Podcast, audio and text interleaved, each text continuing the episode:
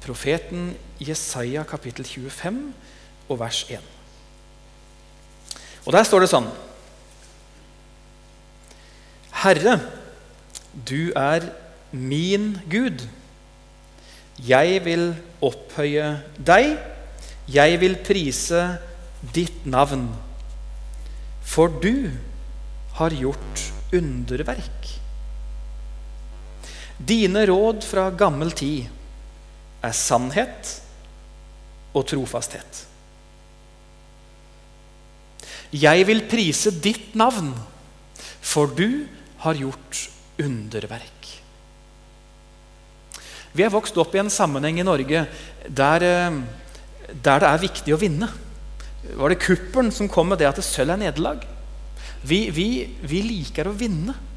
Det likte både Petter og Marit for et par uker siden. Når de ikke vant, da var de litt småmugne, kanskje begge to i Tour de Ski. De, de ville vinne. sant?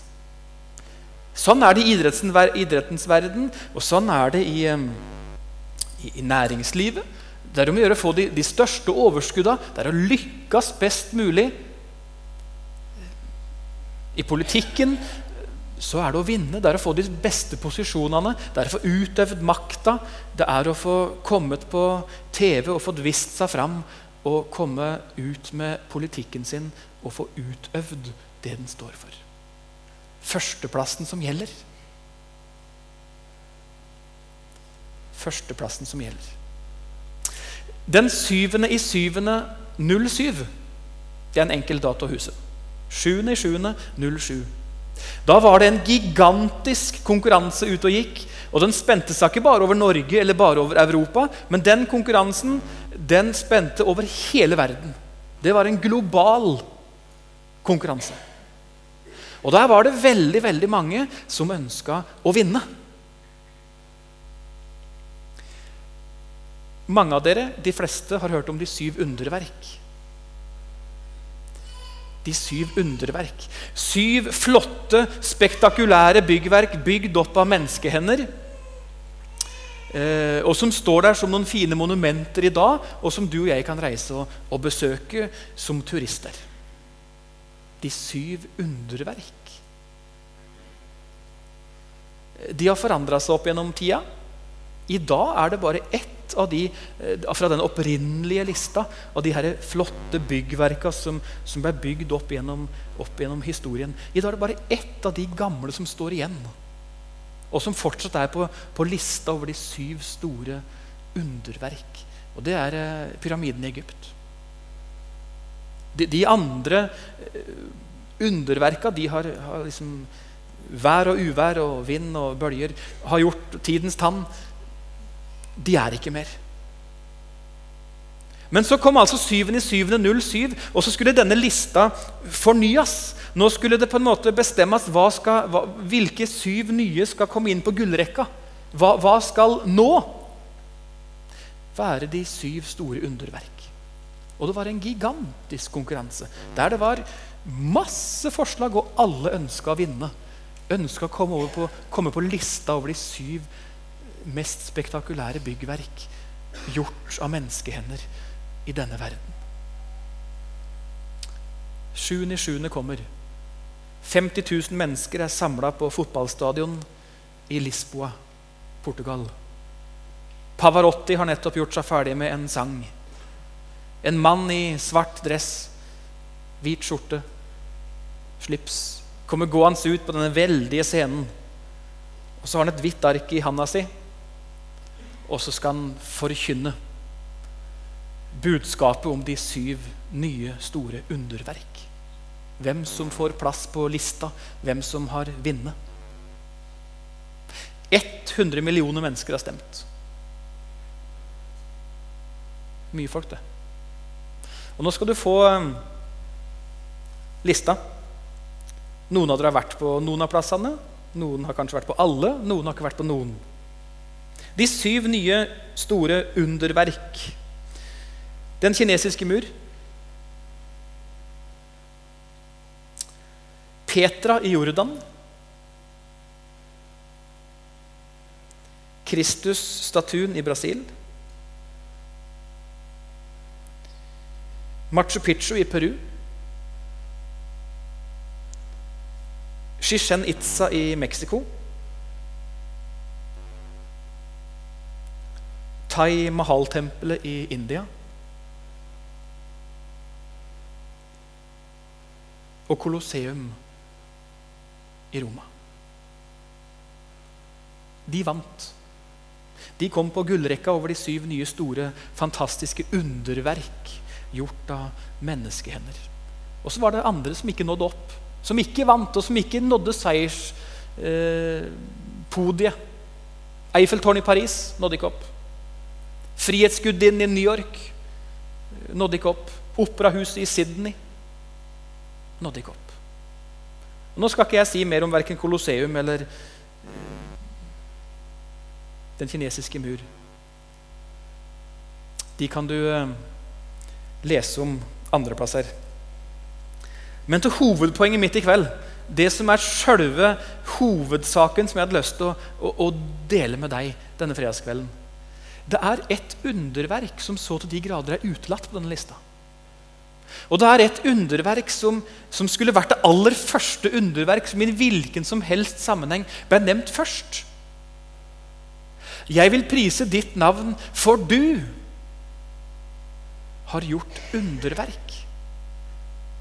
Det største underverk av de alle gjort av menneskehender. Det er helt utelatt på denne lista. Og Det gjør at denne lista på mange måter blir helt uh, uinteressant. Det er den ikke.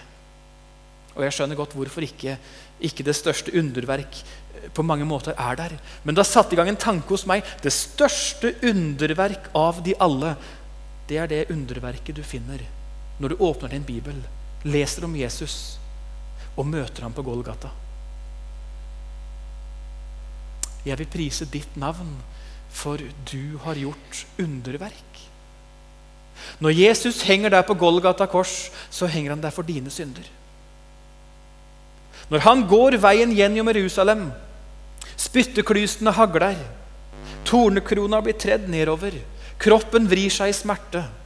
Blodtap. Lidelse. Forlatt av Gud. Ja, så skjer alt det av én en eneste grunn. Det er fordi du er elska av Jesus. Om det er likegyldig for himmelen åssen du har det? Nei, langt derifra. Om det er likegyldig for himmelen hvor du havner i evigheten? Nei, så langt derifra. Om Gud følger med på ditt liv og ønsker deg alt godt? Ja, definitivt.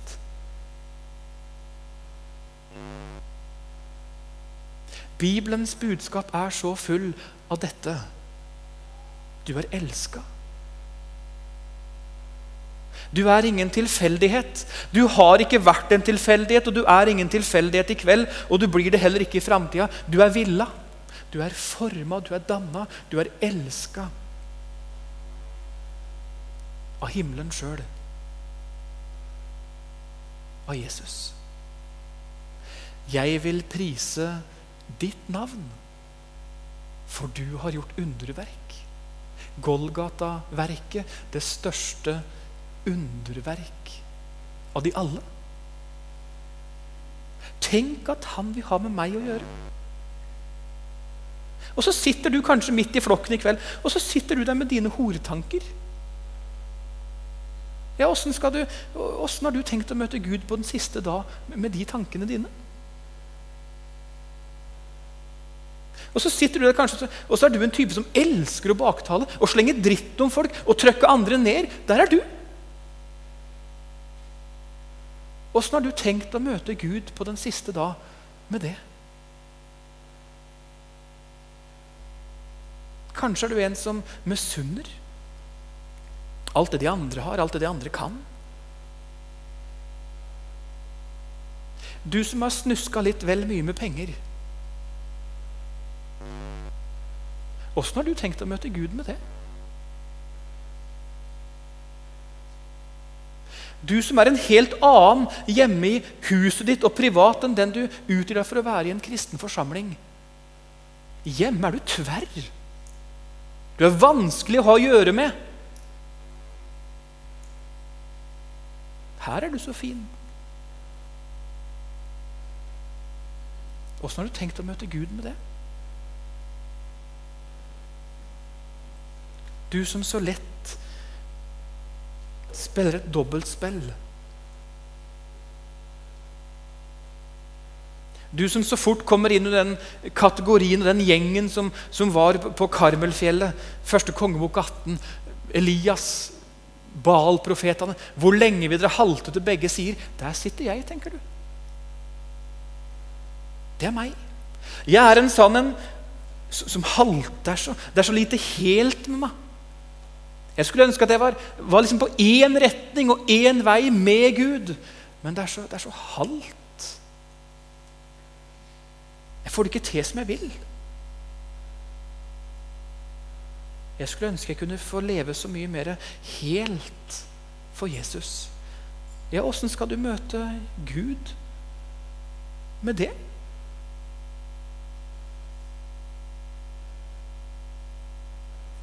For min del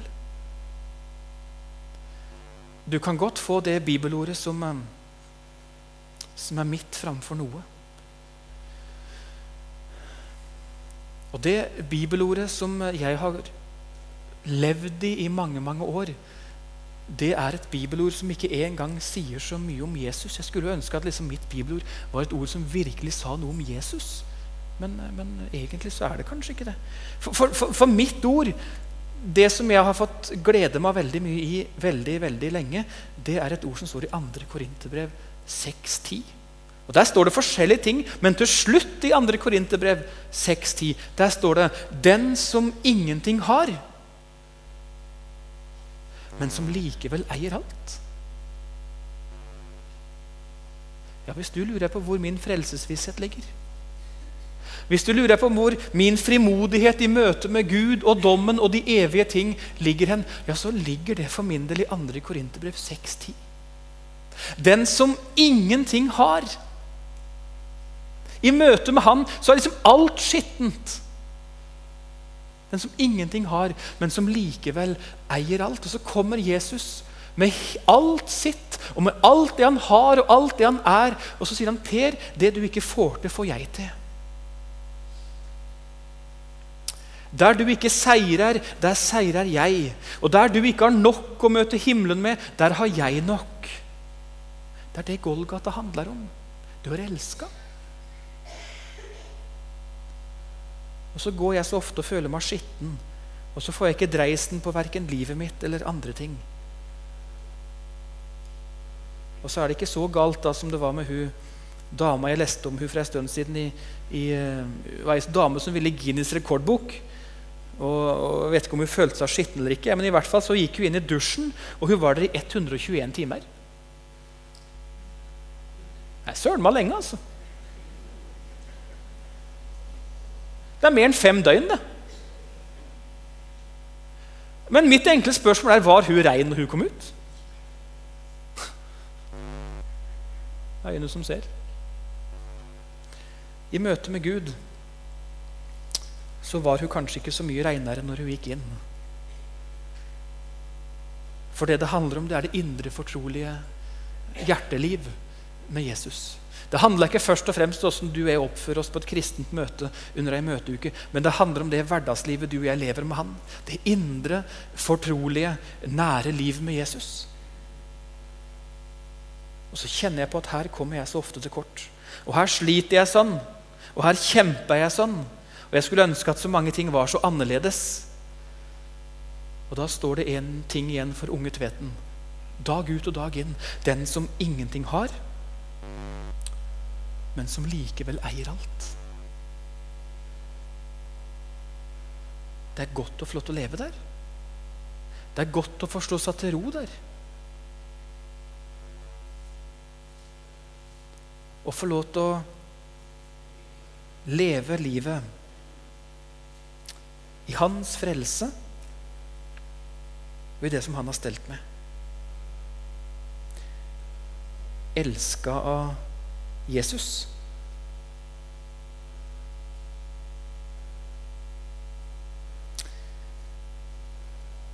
Det er lenge siden jeg gikk på grunnskolen. Men det er én ting jeg huser. Jeg huser de modale hjelpeverb. Er det fremmedord for dere, eller er det noe som dere liksom virkelig henger med på enda? Lærerne, dere mm, forsiktig skal jeg si det, bør kanskje vite hva de modale hjelpeverb er. Og, og, hvis det er lærere her som eh, nå vil påstå hardnakka at jeg tar feil, så må dere bare stramme meg opp etterpå. De modale hjelpeverb tror jeg jeg vet hva er. Det er fem av de, og de lyder som følger skulle, burde, måtte, kunne, ville. Skulle, burde, måtte, kunne, ville. Det er verb som ikke kan stå alene. Skulle gå, burde hvile, måtte hjelpe. De modale hjelpeverb. Og Så reiser jeg rundt i landet med kristne møter. Og så kjenner jeg meg sjøl og mitt eget liv ganske godt. Og så treffer jeg ganske mange. Og Av og til så ser jeg meg sjøl i speilet og så tenker jeg jeg er en av de sjøl også, som så lett lever i de modale hjelpeverb. Det blir så lite hvile i evangeliet. Det blir så lite Hans nåde og Hans nåde aleine. Og så blir det så mye skulle, burde, måtte, kunne og ville. Og så vendes blikket innover, og så fyker både frelsesvisshet, frelsesglede Hvile og alt det gode Jesus har for mitt liv. Jeg hadde lyst til å si det til deg som måtte kjempe og streve her sånn La de modale hjelpeverb fare i Jesu navn. De hjelper deg ingenting i møte med veien til Jesus. Men det er først når du får et blikk på det han har gjort, og det han vil være, og det verket han har ordna med, At lovsangen og takken kommer her inne. Jeg vil prise ditt navn, for du har gjort underverk. Du har gjort underverk. Det er du som har det jeg trenger.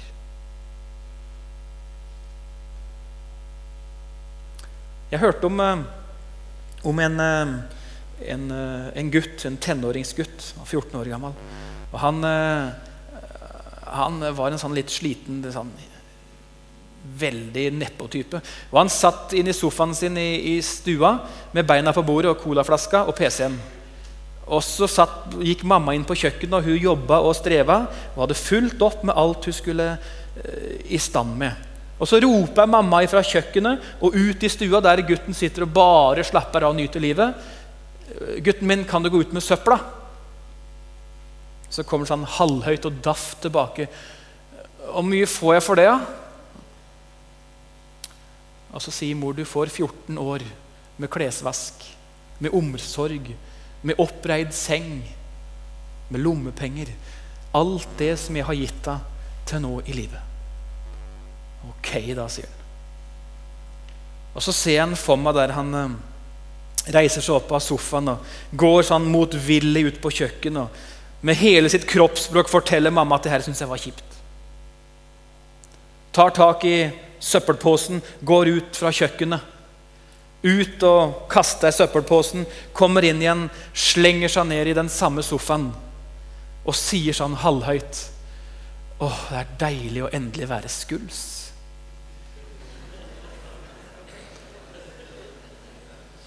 Jeg hadde liksom fått bidratt litt, altså. Etter 14 år.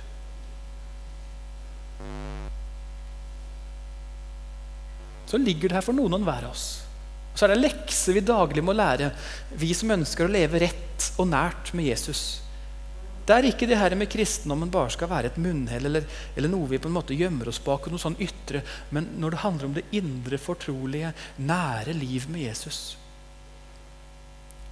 så kjenner jeg på at jeg må ta meg i det sjøl. Det er så lett å skulle, skulle gjøre seg skuls. Så lett å liksom tenke det at nå skal, nå skal, jeg møte han med noe, og så kommer han med litt. Og så, og så, og så finner vi ut av de sammen, dere her. Nei. Du får aldri frelsesvisshet og du får aldri glede i evangeliet den veien. Men det er når du får, får se det at han kommer helt ned til deg, helt inn til ditt liv. Du med de skitne tankene. Du med din mangel på respekt for det hellige. Du som ikke evner å, å, å fri deg ifra det som er stygt Så kommer Jesus helt ned til livet ditt og helt inn til deg. Og så sier han, 'Jeg har det du trenger'. Det jeg er det fineste av alt, det er at når Jesus kommer til en synders liv og stopper opp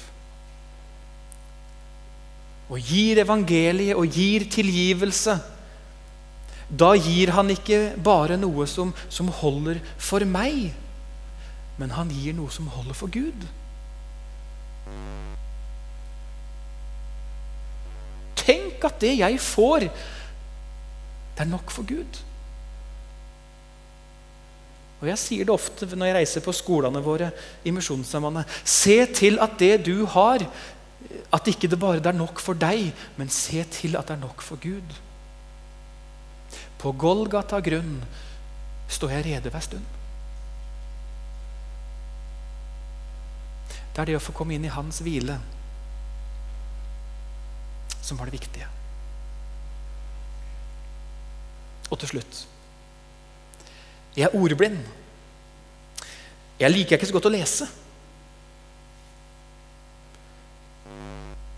Det gjør at eh, jeg er veldig nøye med hva jeg leser.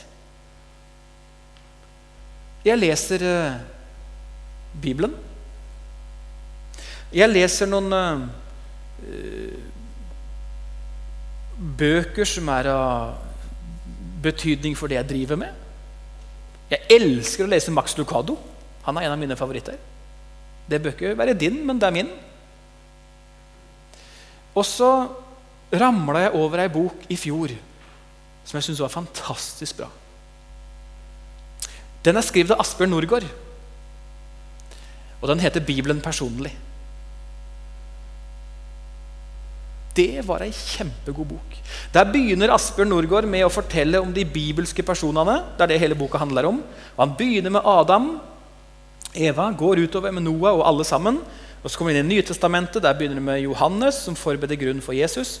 Og så er det Jesus, og er det alle de bibelske personene utover.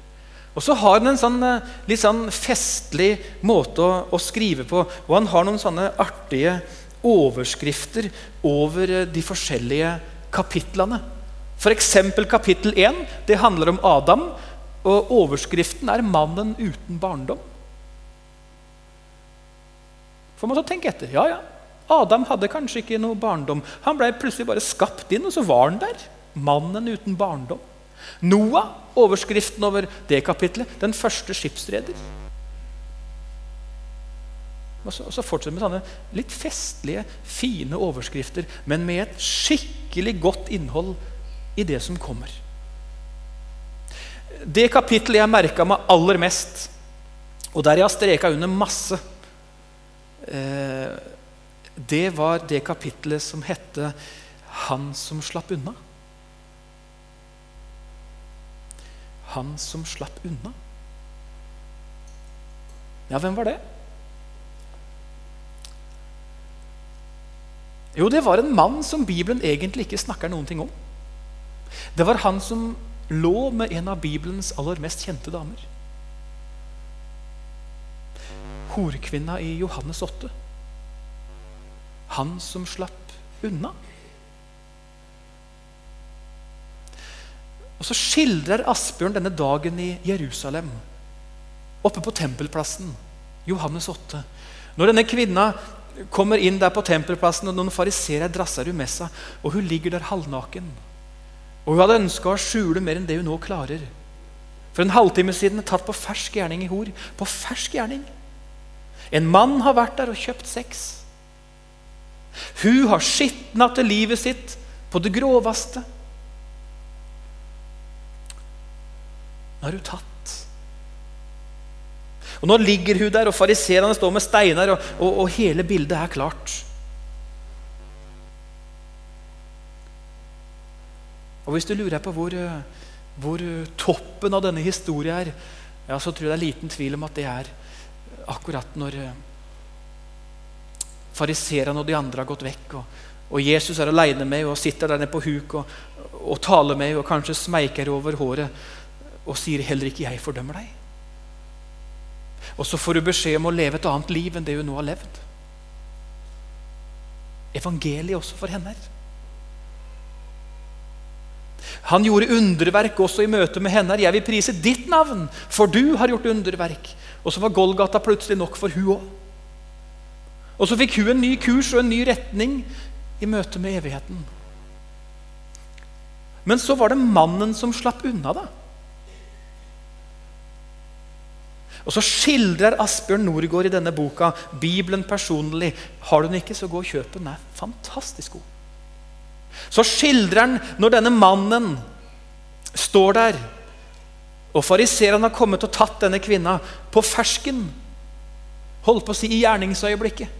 Og så tar de hun med seg, og mannen han bare smetter inn en liten sidegate. Ei mørk, lita, trang sidegate i Jerusalem. Hun ut på tempelplassen, blottas for alt og alle. Mannen smetter bare sånn forsiktig inn. Kikker seg bak skuldrene et par-tre ganger. Det gikk bra. Det gikk bra. Går videre innover. Og så er han plutselig en fri mann.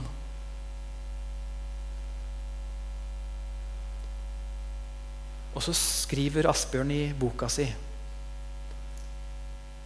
Vi kan så lett tenke det at eh, Så heldig han var. Så heldig han var. Han, han, han, han slapp de, de, svære overskriftene i Jerusalem Post. Han slapp den ekle telefonen hjem til kona si. Han slapp de ekle blikka på arbeidsplassen. Han slapp å møte ungene sine og stå skolerett. Så heldig han var.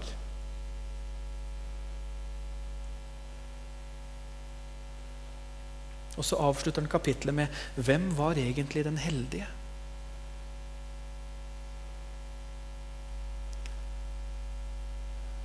Var det ikke nettopp denne kvinna som eh, Ja, hun opplevde det flaue. Ja, hun opplevde det kjempepinlige å bli tatt på fersk gjerning. Ja, hun lå der halvnaken foran nesten hele Jerusalem og foran Jesus. Men midt i det fikk hun møte Jesus. Og så fikk hun et nytt liv, og så ble alle synder viska ut. Og så hadde hun i et nu hele himmelen.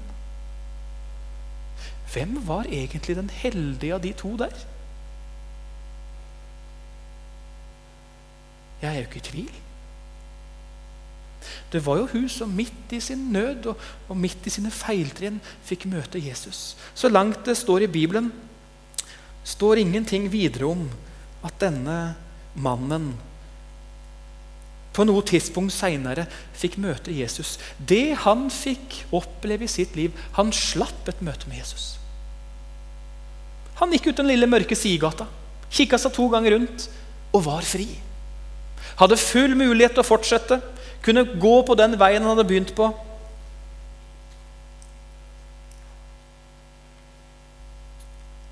Så bakvendte vi mennesker ofte er, og så galt vi ofte tenker på de sakene her sånn. Jesus ønsker at du skal leve i lyset med livet ditt. Han ønsker ikke at du skal fortsette på den skitne vei. Han ønsker ikke at dine syndige vaner skal fortsettes med. Han ønsker å dra deg inn i oppgjøret, inn i lyset. Han ønsker å komme deg med sin nåde og med sin tilgivelse og med den nye start. Og så ønsker han å lede deg gjennom dette livet og helt fram.